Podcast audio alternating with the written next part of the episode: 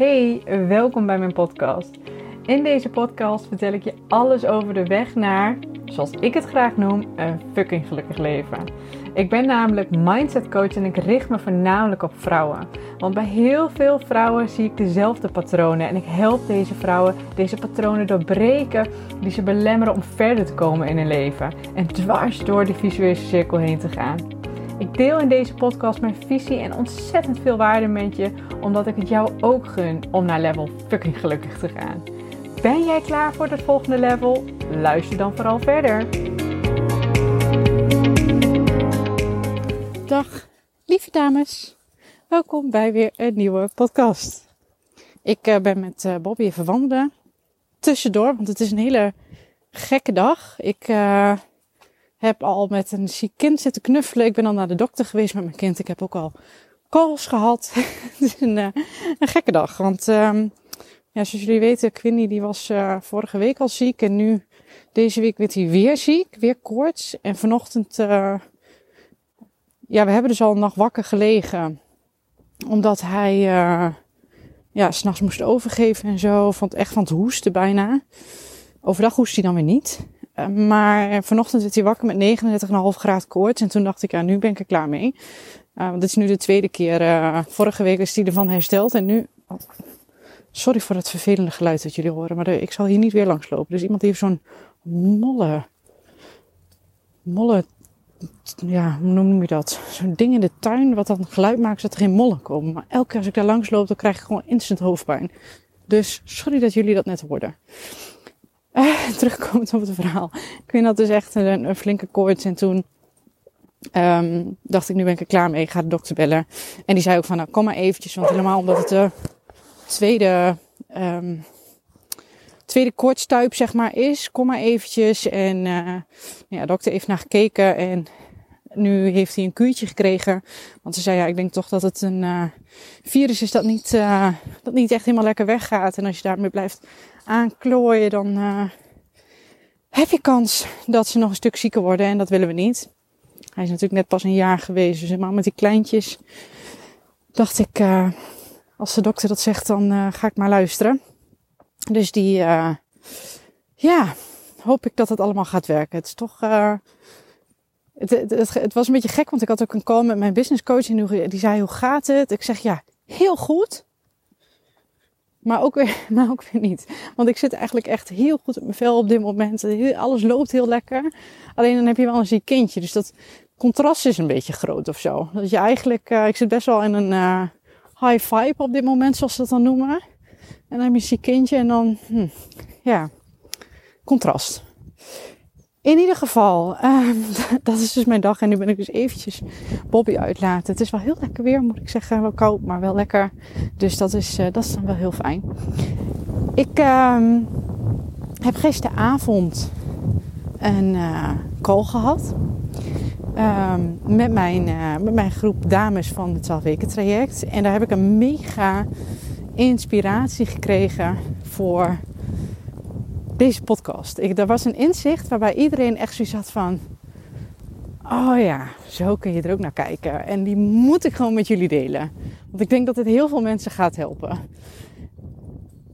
We hadden in ieder geval de call. En uh, we zijn heel erg bezig geweest met... Um, ja, hoe ga ik dat nou kort omschrijven? Het is einde traject, dus dan zijn we vooral heel erg bezig met stappen in de persoon die jij wilt zijn. En wat je doel dus ook is. Hoe word je die persoon die zijn doel gaat behalen? En wie is die persoon eigenlijk? Dat is het heel kort samengevat. Uh, maar daar hoort ook keuzes maken bij. Keuzes maken of je juist wil dat dingen zo blijven, of dat je dingen anders moet gaan doen.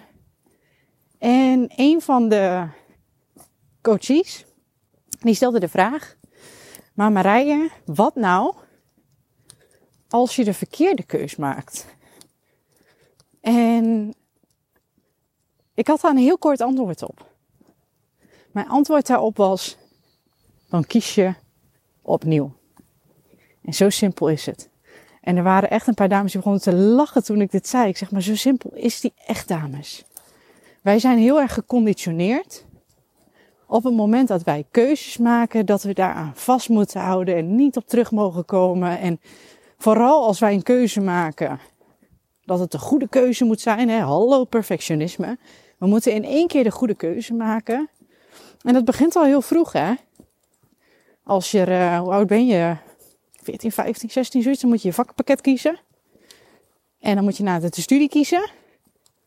En dan ben je 21. Of 18 of 19 of hoe oud je ook bent. Iets in die trant. En dan uh, is dat wat je voor de rest van je leven moet doen. En als je dan een carrière switch maakt, dan is dat gek. Zou je dat nou wel doen? Je hebt het toch goed voor elkaar? Je hebt het toch voor geleerd? Je hebt toch, wat voor overtuigingen het ook zijn, hè? Wij worden niet, het wordt ons niet geleerd dat wij opnieuw mogen kiezen. Het wordt ons niet geleerd dat het oké is om een verkeerde keuze te maken. Want dat zei zij ook. Wat nou als ik de verkeerde keuze maak? Dan kies je opnieuw. Ik kan jou ook niet vertellen, als jij een bepaalde keuze niet gaat maken, ook al voelt die heel goed, kan ik je niet vertellen of dat een goede keuze is. Kan je wel aangeven wat ik denk, wat mijn gevoel is. Dat doe ik ook bij mezelf. Ik maak continu keuzes waarvan ik denk, ja, ik denk dat dit wel een goede keuze is. Het voelt goed. En als iets goed voelt, is het vaak ook zo. Maar ik kan je niet, je weet bij voorbaat niet, want dat willen wij heel graag. We willen bij voorbaat altijd weten of een keuze goed uitpakt. Ja, als ik die keuze maak, dan moet het wel de goede keuze zijn. En dat is ook zelfs een stukje conditionering, dat andere mensen dat tegen jou zeggen. Ja, als je het doet, dan maak dan nu wel de goede keuze. Ik zie dat ook wel eens bij um, mensen die bijvoorbeeld vaak van studie wisselen. En dan zeggen ouders, ja, het is nu een keer klaar. Weet je nu een keertje wat je wilt? Ga nu maar eens een keer wat afmaken. En ik zeg niet dat het goed is om honderd keer te wisselen. Maar ik wilde wel weer mee zeggen dat waarom mag je niet blijven kiezen?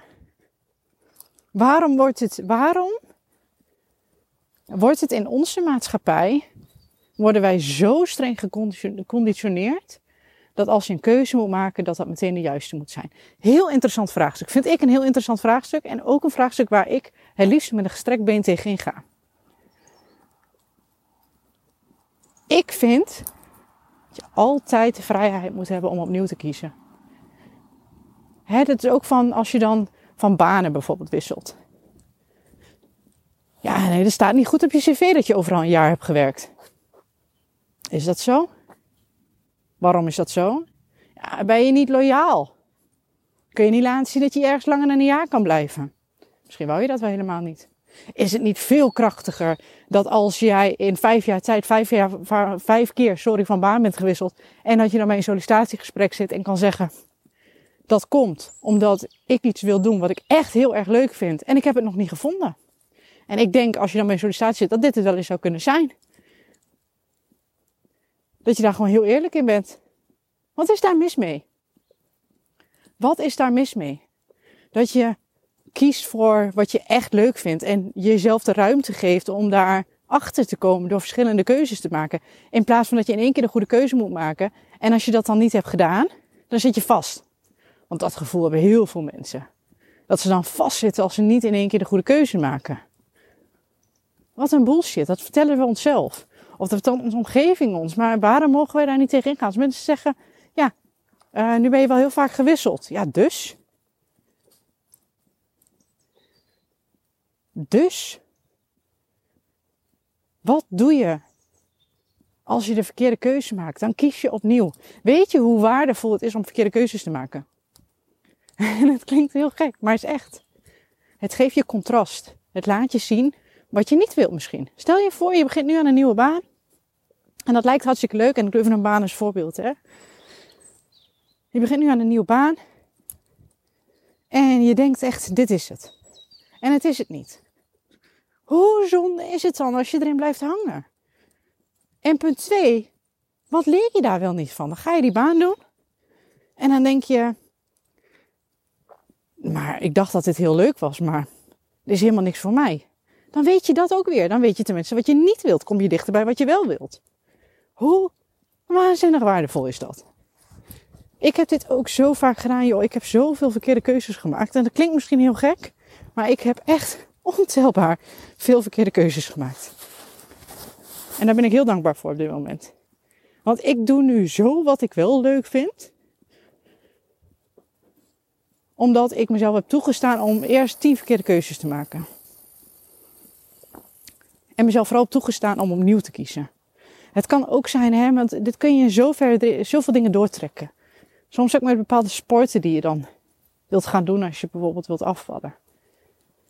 En ga dan, dan, dan heb je ergens voor gekozen, want dan, um, ja, ik wil afvallen en dan uh, moet je krachttraining gaan doen. Lijkt je leuk, ga je doen. Is niet wat. Dus dan denk je, nou, kan ik weer iets niet volhouden. Ik heb de verkeerde keuze gemaakt. Krachttraining begonnen. En dan denk je, het is de verkeerde keuze, want ik kan het niet. Maar misschien vind je het wel helemaal niet leuk, past het niet bij jou. Ga dan wat anders doen, ga groepslessen doen. Pas dat niet, ga je weer wat anders doen. Je, nogmaals, je kunt het in zoveel dingen doortrekken. Kies opnieuw. Wat nou als je de verkeerde keuze maakt? Kies opnieuw. En ik weet dat dit eentje is die met werk dan vooral heel terecht terugkomt. Of grote levenskeuzes. En ik weet ook dat heel veel mensen dan bang zijn voor de reactie van anderen daarin. Maar weet ook dat wij met de hele maatschappij zo ontzettend vreselijk geconditioneerd zijn. Wat ik net al zei over dat je niet opnieuw mag kiezen. En weet je wat ik dan heel erg veel zie? Is dat mensen dan bijvoorbeeld, nou dan gaan we dat riedeltje af hè. Je kiest je vakkenpakket, je kiest een studie, je kiest een baan. Nou, dan heb je die baan gekozen. Misschien kun je nog een keer wisselen van bedrijf. Nou, en dan zit je, dan zit je, dan moet je goed zitten. En dan ben je 30 of 40 of whatever. Maakt niet uit hoe oud of jong. Dan denk je, nou, ik ben niet gelukkig op mijn baan. En dan maak je dat bespreekbaar. Ja, maar je hebt het toch goed daar? En dan denk je, ja, maar ik heb het ook wel, ik heb het ook wel goed. Ik heb het wel redelijk naar mijn zin, maar ik heb wel leuke collega's. Want je mag niet opnieuw kiezen. Want je hebt toch gekozen en je hebt het toch goed. Wat een fucking bullshit is dat zeg. Als jij ergens niet gelukkig bent, en ik neem nu even werk als voorbeeld hè. Als je ergens niet gelukkig bent, als je ergens elke dag met pijn in je hart naartoe gaat, kies opnieuw. En als je opnieuw kiest en het is het weer niet, dan kies je nog een keer opnieuw, totdat jij gelukkig wordt. Maar wat wil je dan? Dat je straks 50, 60 bent, dat je terugkijkt op je loopbaan en dat je denkt, hm, Stel je voor je werkt 40 uur per week. Ik heb elke week 40 uur verkanteld aan iets waar ik totaal niet gelukkig van werd. Waar ik met buikpijn naartoe ging. Of een geknaagd gevoel van, goh, ik had dit ook wel met mijn leven willen doen. Maar ja, ach, ik weet niet of dat een verstandige keuze was geweest. Fuck verstandige keuzes, ook zo'n mooie. Verstandige keuzes. Bloedhekelen. nou, niet dat je nou verstandig mag zijn, maar